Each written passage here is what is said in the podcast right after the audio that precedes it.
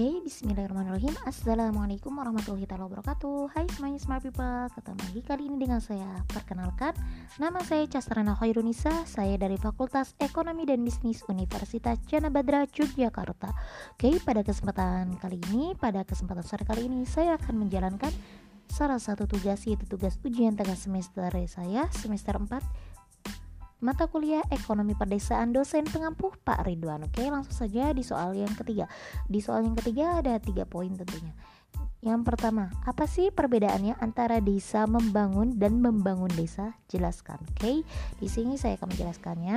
Perbedaan antara desa membangun dan membangun desa yaitu desa membangun dalam undang-undang desa dimaknai bahwa desa itu membangun membangun saja gitu terutama dilaksanakan untuk kewenangan asal usul dan kewenangan skala lokal desa atau istilah lainnya desa membangun Desa membangun ini menempatkan desa sebagai subjek pembangunan yaitu pihak yang merencanakan, melaksanakan sekaligus sebagai penerima manfaat dari pembangunan tersebut.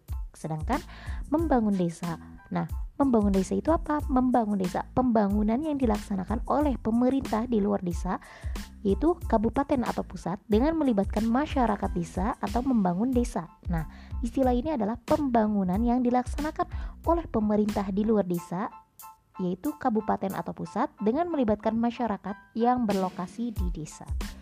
Itu penjelasan yang nomor satu. Nah, yang soal yang kedua, tanda anak panah warna merah pada gambar di samping menunjukkan sebuah kawasan perdesaan. Dapatkah kamu menjelaskan maksud kawasan tersebut? Oke, di sini di uh, samping ini terdapat gambar. Mohon maaf, saya tidak bisa memperlihatkannya. Saya akan bisa, uh, akan menjelaskannya saja. Oke, saya akan menjelaskan.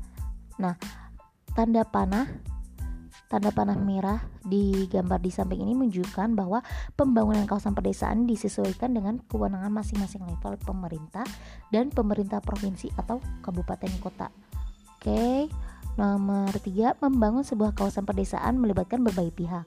Sebut dan jelaskan peran masing-masing pihak tersebut. Oke, pihak pembangunan kawasan pedesaan dilakukan oleh pemerintah, Lalu yang kedua, pemerintah daerah provinsi. Yang ketiga, pemerintah daerah kabupaten atau kota melalui satuan kerja perangkat daerah, pemerintah desa atau BUMDes yang disebut BUMDes dengan mengikut sertakan masyarakat desa.